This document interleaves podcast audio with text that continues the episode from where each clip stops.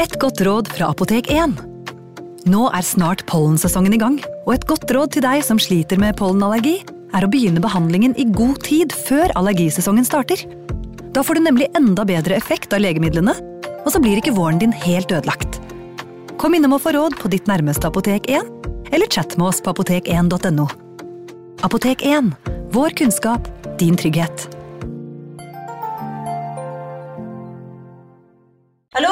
Jeg kommer fra Oslo politikammer.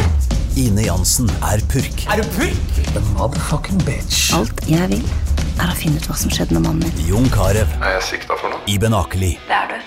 Ole So, Lars Berrum og Big Daddy Karsten. Hvem sin side er du på, egentlig? Anette Hoff, Tone Danielsen, Kommer du fra Afrika?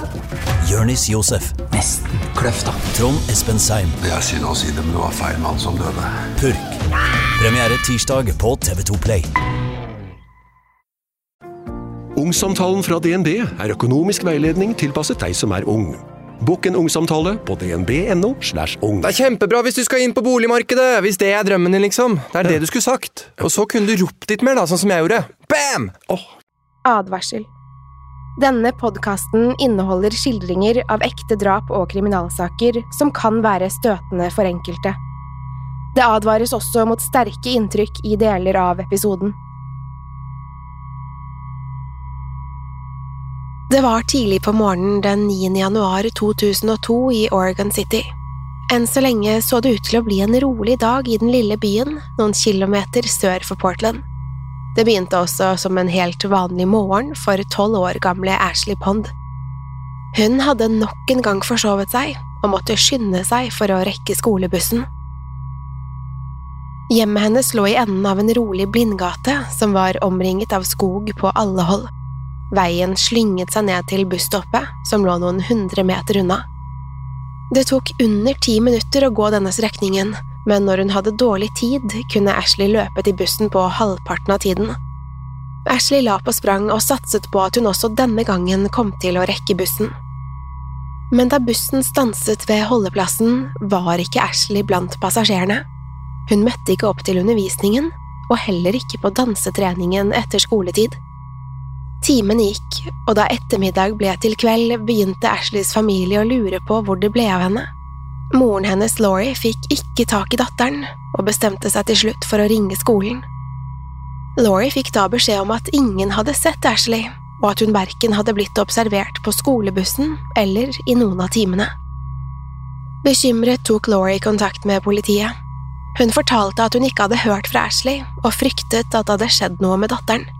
Det var nemlig helt ulikt Ashley å bare forsvinne uten å si ifra. Ashley hadde heller ikke pakket med seg noe annet enn skolesakene, så det var ingenting som tydet på at hun hadde rømt hjemmefra. Likevel var politiet usikre på om det lå noe kriminelt bak den plutselige forsvinningen. De mente det var langt mer sannsynlig at Ashley bare hadde bestemt seg for å ta en fridag. Og dersom hun hadde rømt hjemmefra, ville hun antageligvis komme hjem i løpet av kort tid. Det ble utført noen søk i området, men det ble ikke funnet noen spor etter Ashley på strekningen mellom leiligheten og bussholdeplassen. Det var heller ingenting som tydet på at det hadde skjedd en ulykke. Uken gikk uten at noen hørte fra Ashley. Hun ble meldt savnet, men politiet visste ikke hvor de skulle begynne å lete. Ashley var tilsynelatende sporløst forsvunnet. Snart begynte Ashleys familie og etterforskerne å mistenke at hun hadde blitt kidnappet. Søkene etter Ashley ga ingen resultater, men så, to måneder senere, skulle nok en jente forsvinne fra området. Miranda Gaddis forsvant under nesten identiske omstendigheter. Hun bodde like ved, og var i tillegg Ashleys bestevenninne. Var det bare tilfeldig, eller var det en sammenheng mellom de to forsvinningene? Velkommen til True Crime Podden.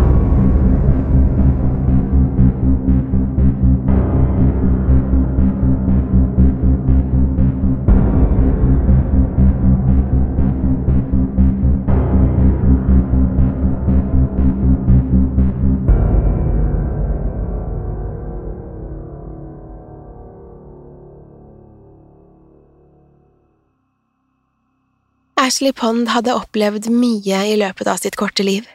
Hun bodde i en liten leilighet sammen med moren Laurie og sine tre søsken. Foreldrene var skilt, og Ashley fant samtidig ut at mannen som hun hadde kalt pappa, ikke var hennes biologiske far. Så snart foreldrene var skilt, hadde han heller ikke noen interesse av å beholde kontakten med Ashley. I etterkant av skilsmissen ble riktignok Ashley kjent med sin biologiske far. Hans navn var Wesley Rutger, og han virket umiddelbart interessert i å treffe Ashley. Møtet med Wesley ble likevel ikke helt som Ashley hadde forestilt seg. Han var tidligere dømt for overgrep, og det skulle ikke ta lang tid før han også forgrep seg på Ashley. Hun meldte dette inn til politiet, og vitnet mot Wesley i rettssaken. Men til tross for Ashleys sterke beskrivelser av overgrepene, endte ikke Wesley opp med å sone noen fengselsstraff. Han fikk i stedet en betinget dom og ble frikjent på flere av punktene han var tiltalt for. Wesleys forsvarsadvokater hadde nemlig lykkes med å svekke Ashleys troverdighet, og fikk henne til å fremstå som en jente som hadde for vane å dikte opp slike historier. Ashley prøvde i stedet å fokusere på andre ting. Hun gjorde det godt på skolen, og hadde en lidenskap for dans som hun delte med venninnene Miranda Gaddis og Mallory Weaver. Til tross for alt hun hadde opplevd, fremsto Ashley både sterk og positiv. Moren hennes, Laurie Pond, slet med alkoholproblemer og hadde bare vært 16 da hun fikk sitt første barn. Situasjonen i hjemmet, som var preget av drikking og vold, gjorde at barnevernet ofte var inne og sjekket hvordan det gikk med Ashley og hennes søsken. Det ble likevel slått fast at Laurie oppfylte minstekravene, og det ble derfor ikke iverksatt noen tiltak.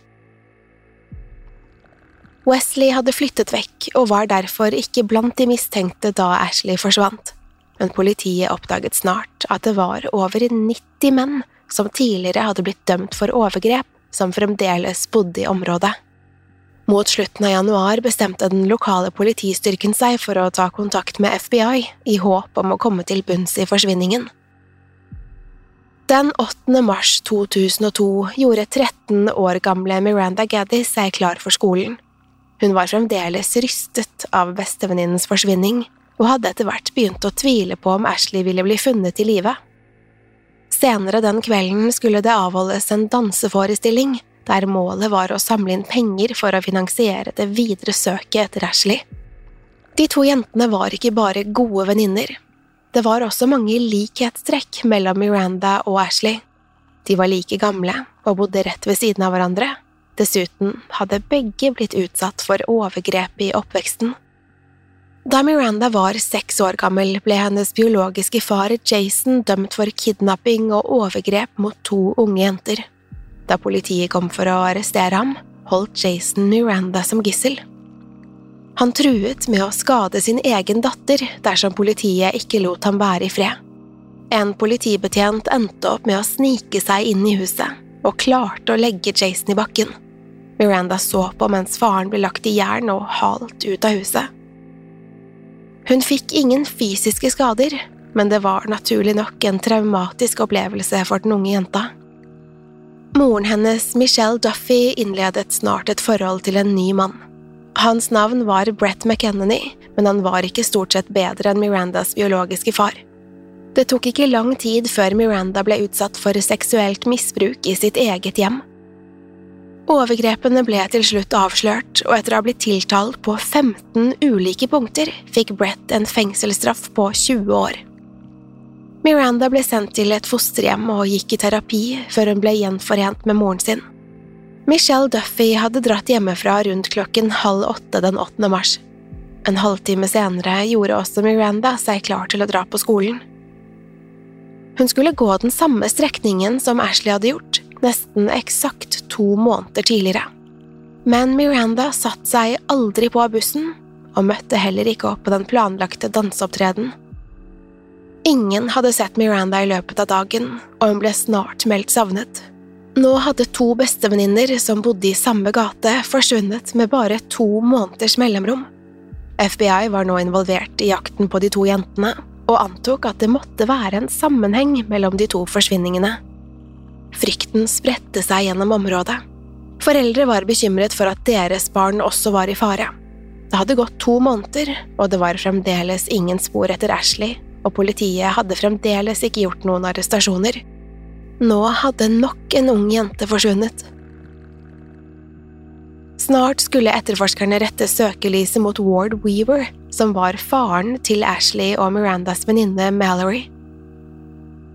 Ward ble først avhørt fordi han ofte kjørte jentene til skolen. Politiet lurte på om han kunne ha sett Ashley eller Miranda på de aktuelle dagene, men Ward nektet for å vite noe mer om forsvinningene.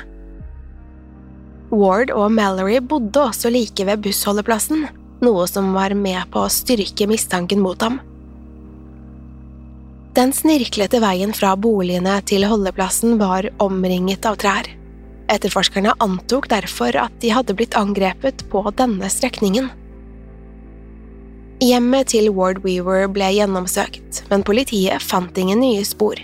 Det kom riktignok frem at Ward og Ashley hadde et ganske betent forhold. I løpet av sommeren 2001 hadde Ashley bodd hos Ward og Mallory i en kort periode. Ashley hadde hatt det tøft hjemme, og Ward hevdet at han bare ønsket å hjelpe henne. I etterkant av dette oppholdet kom riktignok Ashley med flere anklager mot Ward. Hun fortalte at han hadde forsøkt å forgripe seg på henne, men Ward nektet for å ha rørt Ashley. Han insisterte på at Ashley hadde diktet opp alt sammen, og at hun generelt var upålitelig. Ward ble aldri siktet for dette overgrepet, men Ashley ga uttrykk for at hun fremdeles var redd for ham. To uker før Miranda forsvant, hadde også hun vært på besøk hos Mallory Award. Det var Malorys 13-årsdag, og selv om stemningen var preget av Ashleys forsvinning, prøvde de å hygge seg. I løpet av festen skal riktignok Miranda ha advart en annen jente mot å overnatte hos Mallory. Miranda kjente åpenbart til Ashleys anklager mot Ward, og fryktet at han kom til å prøve seg igjen. Kunne Ward ha overhørt denne samtalen? Kunne Ward ha drept både Ashley og Miranda i frykt for å bli avslørt? Naboene hadde også lagt merke til at Ward og sønnen hans Francis hadde helt ny betong i bakhagen sin. Blant dem som nå mistenkte at Ward sto bak forsvinningene, var Laurie Pond. Hun satt blant annet opp skilt utenfor hjemmet til Ward med teksten Dig me up. Søkene i hjemmet til Ward hadde ikke ledet til noen nye funn. Han mente selv at han hadde samarbeidet med etterforskerne, og at han var offer for en heksejakt. I juli 2002 lot Ward seg intervjue av en lokal nyhetskanal i et forsøk på å renvaske seg. Han ga uttrykk for at han hadde solid alibi, og gjentok dessuten at Ashley var en jente som hadde en tendens til å lyve og finne opp ting. Han mente at hun gjorde dette hver gang hun selv havnet i trøbbel, for å ta oppmerksomheten vekk fra seg selv og for å få sympati.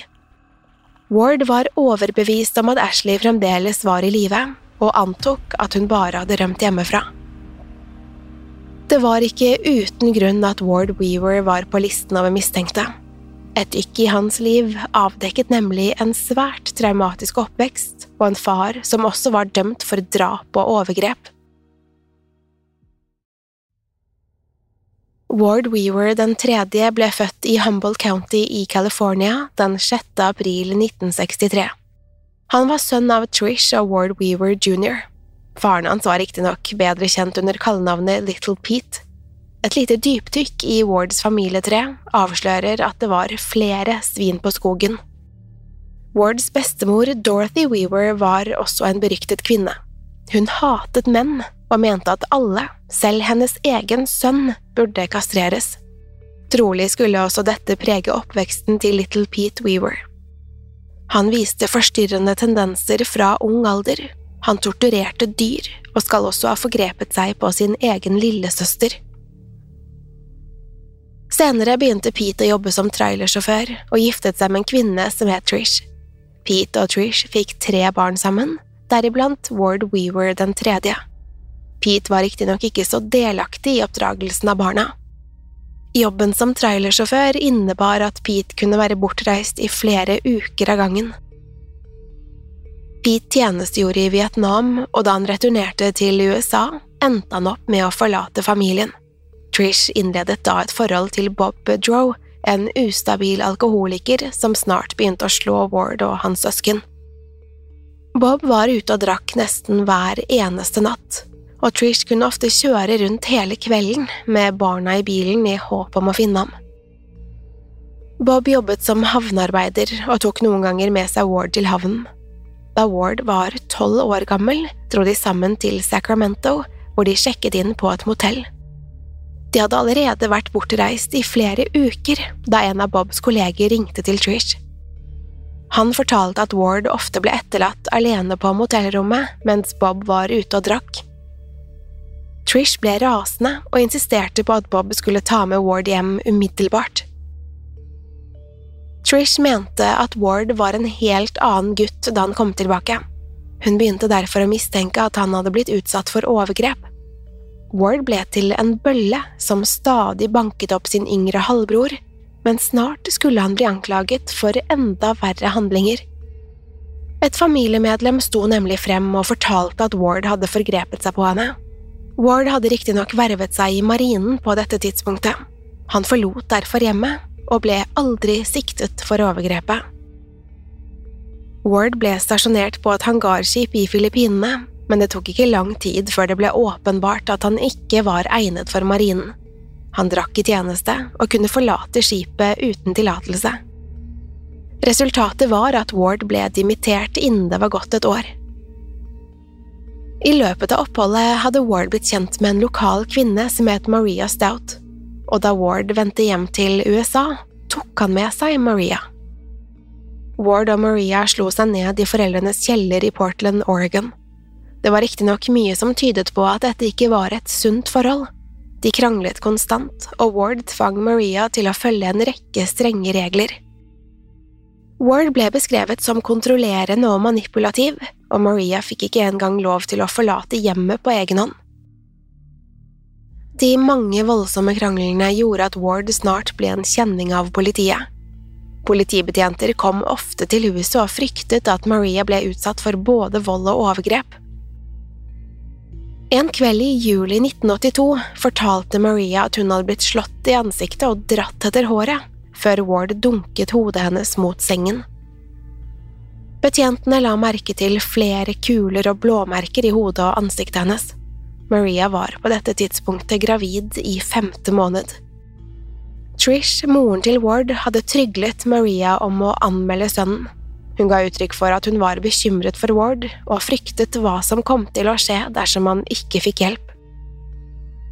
Ward så riktignok ikke ut til å lære av sine feil. Han pakket i stedet sakene og tok med seg Maria til California. Ward ønsket nemlig å gjenoppta kontakten med faren sin, som hadde blitt dømt for drap og nå satt på dødscelle. Little Pete Weaver hadde også et langt rulleblad. Han ble siktet for voldtekt i 1978 og ble dømt til halvannet år i fengsel. Det virket likevel ikke som at Pete hadde lært av feilene sine. Han hadde kun vært en fri mann i noen måneder da han i 1981 ble siktet for et dobbeltdrap. Pete var i utgangspunktet arrestert under mistanke for medvirkning til et annet drap og overgrep, da han begynte å fortelle om en tidligere hendelse. Pete var tilbake i jobben som trailersjåfør og kjørte gjennom Mohaveørkenen da han fikk øye på et ungt par langs veien. 18 år gamle Robert Radford og hans 23 år gamle kjæreste Barbara Levoy hadde biltrøbbel og viftet med armene da de fikk øye på Petes trailer. Pete stanset et lite stykke unna og trasket bort til det unge paret. Han spurte hva som foregikk, og fikk til svar at de hadde fått motorstopp. Pete tilbød seg å hjelpe dem med å fikse bilen, og ba Robert bli med bort til traileren for å hente litt verktøy. Glad og takknemlig fulgte Robert etter. De to mennene forsvant bak traileren, men så snart de var ute av syne, fant Pete fram en jernstang og hamret den mot Roberts hode. Det kraftige slaget knuste skallen hans, og Robert gikk rett i bakken. Pete løftet den livløse kroppen inn i lasterommet før han returnerte til Barbara og bilen. Pete kastet seg over den unge kvinnen og dro henne med seg inn i traileren. Barbara ble utsatt for gjentatte overgrep, men sluttet aldri å kjempe imot. Da hun på et tidspunkt holdt på å bite av fingeren til Pete, fikk han nok. Han kvalte Barbara til døde, for han tok henne med hjem og begravde Barbara i bakhagen. Pete fikk angivelig hjelp av sin egen sønn, en av Wards halvbrødre, til å grave hullet, før han selv fylte det med betong. Deretter bygget han en treplatting over graven. Pete risikerte å bli dømt til døden dersom han ble funnet skyldig i drapene.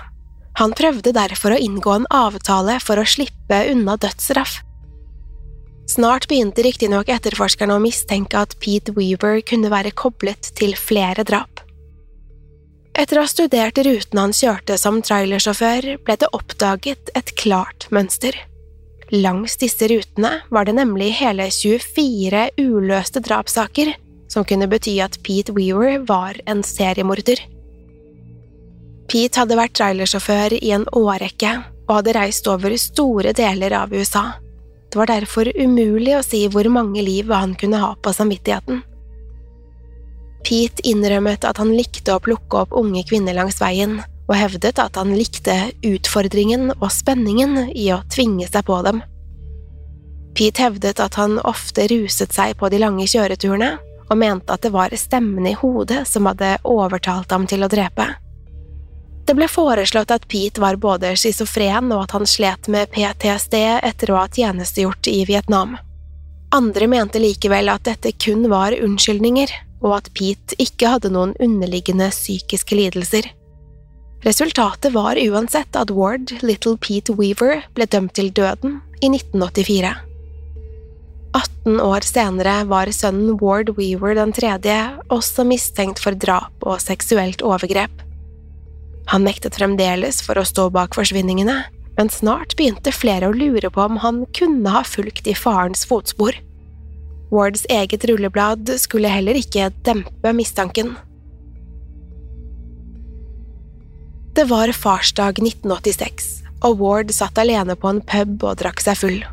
Han hadde kranglet med Maria og prøvde å roe seg ned ved å konsumere store mengder øl, vodka, marihuana og speed. Ward og Maria hadde bodd hos familien Ordona i Fairfield, California i en liten periode. Ward hadde ikke nødvendigvis vært noen enkel gjest. Han og Maria kranglet fremdeles like mye, og Ward kunne ofte bli voldelig. Etter hvert hadde også alkohol og rus blitt et større problem. Likevel så vertsfamilien ut til å like Ward. Da han ringte og spurte om skyss hjem, var det derfor ingen som reagerte på at 16 år gamle Jennifer og hennes lillesøster Jocelyn dro for å hente Ward utenfor puben. Da de hadde kjørt et lite stykke, spurte Ward om de kunne stanse langs veien så han kunne tisse. Jennifer gjorde som hun ble fortalt, og Ward gikk ut av bilen. I neste øyeblikk rev han opp døren på passasjersiden og slo Jocelyn i hodet med en betongkloss. Før Jennifer rakk å gjøre noe, gikk Ward til angrep og presset hendene mot strupen hennes. Han begynte å kvele henne, mens Jennifer prøvde å vri seg løs. Hva er det du driver med? Det er meg, Jennifer, klarte hun så vidt å presse frem. Begge jentene overlevde, men de var naturlig nok rystet av det brutale overfallet. Jennifer kunne senere fortelle at Ward hadde vært urovekkende rolig. Han fortrakk ikke en mine, og det virket nesten som at han gikk i søvne. Ward mente selv at han ikke hadde kontroll over temperamentet. Han ga en forklaring som var svært lik den hans egen far hadde kommet med. Ward mente nemlig at det føltes som om noen andre tok kontroll over kroppen hans. Han visste ikke hva som forårsaket disse impulsive handlingene, men antydet samtidig at han fryktet at alt handlet om faren. Ward ble dømt til tre års fengsel for angrepene på Jennifer og Jocelyn. Da han slapp ut igjen, ble han gjenforent med Maria og deres unge datter Mallory. Familien flyttet til Oregon, hvor de åpnet en liten butikk. Wards hovedinntekt så likevel ut til å være narkotikasalg. I løpet av de neste årene skulle Ward jevnlig havne i klammeri med politiet, hovedsakelig etter voldsomme krangler med Maria. I 1993 fikk Maria omsider nok. Hun var lei av all volden og Wards plutselige sinneutbrudd. Hun søkte om skilsmisse og fikk samtidig innvilget et besøksforbud mot Ward. Året etter møtte Ward 18 år gamle Christy Sloan. Hun hadde nylig fullført videregående, mens Ward var en 31 år gammel firebarnsfar med et langt rulleblad. Det stanset dem likevel ikke fra å innlede et forhold. Christie mente at Ward hadde vært sjarmerende i begynnelsen, men hun så snart en helt annen side av ham. Han var aggressiv og voldelig, og slo jevnlig sine egne barn. Verst gikk det gjerne utover eldstesønnen Francis. Ward og Christie giftet seg likevel, men snart var han like fæl mot henne som han hadde vært mot Maria. Etter en voldsom krangel endte Ward opp med å slå Christie helseløs med en stekepanne. Han ble arrestert, men slapp fri da Christie fryktet konsekvensene dersom hun vitnet mot ham. Denne gangen var det riktignok Ward som forlot Christie. Han fant seg en ny ung kjæreste og slo seg ned i Oregon City sammen med datteren Mallory. Her skulle Mallory snart bli kjent med Ashley Pond og Miranda Gaddis. I løpet av sommeren 2002 var det stadig flere av innbyggerne som ble overbevist om at Ward måtte være knyttet til forsvinningene. Det var likevel ingen håndfaste bevis som koblet ham til saken. Den 13. august skulle omsider politiet få gjennombruddet de hadde ventet på, da Francis, Wards eldste sønn, tok kontakt med etterforskerne. Han fortalte at han visste hvem som hadde drept Ashley og Miranda. Francis hadde i utgangspunktet ingen planer om å tyste på faren, men han følte at han ikke lenger hadde noe valg. Francis hadde nemlig innsett at Ward var en farlig mann som ikke lenger kunne gå fri. I august 2002 hadde Francis og kjæresten hans bodd hos Ward. En kveld hadde Ward hentet kjæresten fra jobb og kjørt henne hjem. Francis hadde vært ute, og så snart Ward innså at de var alene i huset, hadde han begynt å forandre seg. Han grep tak i den unge kvinnen og halte henne inn på soverommet til Mallory. Her kastet han seg over henne og begynte å rive av henne klærne. Ward begynte å kvele henne, men hun kjempet desperat imot og endte opp med å løpe halvnaken ut av huset. På rømmen dekket hun seg med en blå presenning, løp ned til veien og viftet med armene til en bil stanset og plukket henne opp. Så snart hun hadde kommet seg unna Ward, ringte hun til Francis og fortalte hva som hadde skjedd. For Francis var dette den aller siste dråpen. Han bestemte seg for å ringe politiet og fortelle at faren hans hadde kidnappet, voldtatt og drept både Ashley og Miranda. Ward ble arrestert, og Francis kunne fortelle at han hadde tilstått drapene en uke i forveien. Hjemmet deres ble dermed gjennomsøkt på nytt. Ashley ble funnet i en tønne, begravet under betongen i hagen. Levningene etter Miranda ble funnet i en plastboks i et hageskur. Ward Weaver ble siktet for kidnapping og drap, men hevdet fremdeles at han var uskyldig. Han mente at tomten var tilgjengelig for hvem som helst. Det var derfor ingen selvfølge at han hadde drept de to jentene, bare fordi de ble funnet i hans bakhage. Det var ingen som kjøpte disse forklaringene, og Ward innså til slutt at han var nødt til å tilstå, ellers ville han risikere å bli dømt til døden.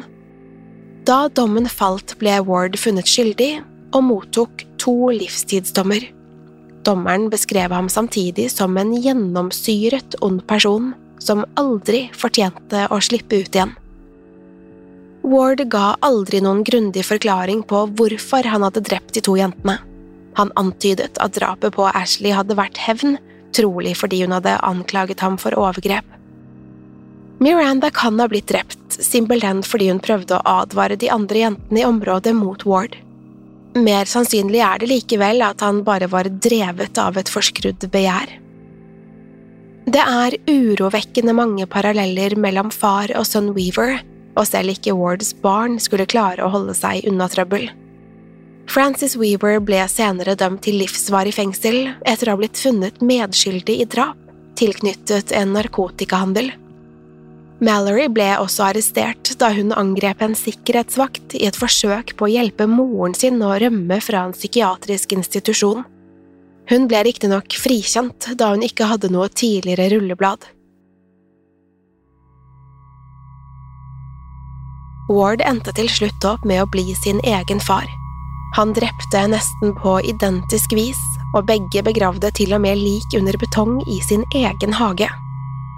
Det er også mange likhetstrekk i deres traumatiske oppvekster som var preget av omsorgssvikt, misbruk og vold.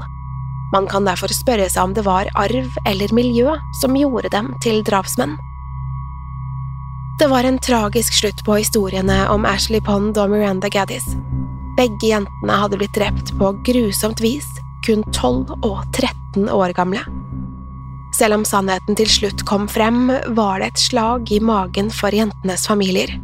Mange rettet også et kritisk blikk mot de mange instansene som ikke hadde vært i stand til å hjelpe Ashley eller Miranda.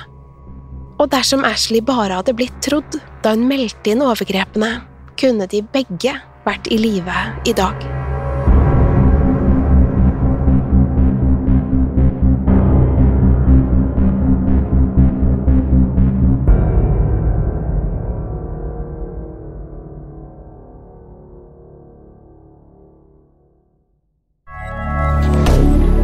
Moderne media.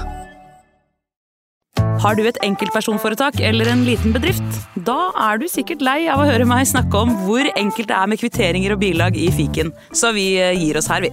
Fordi vi liker enkelt. Fiken superenkelt regnskap.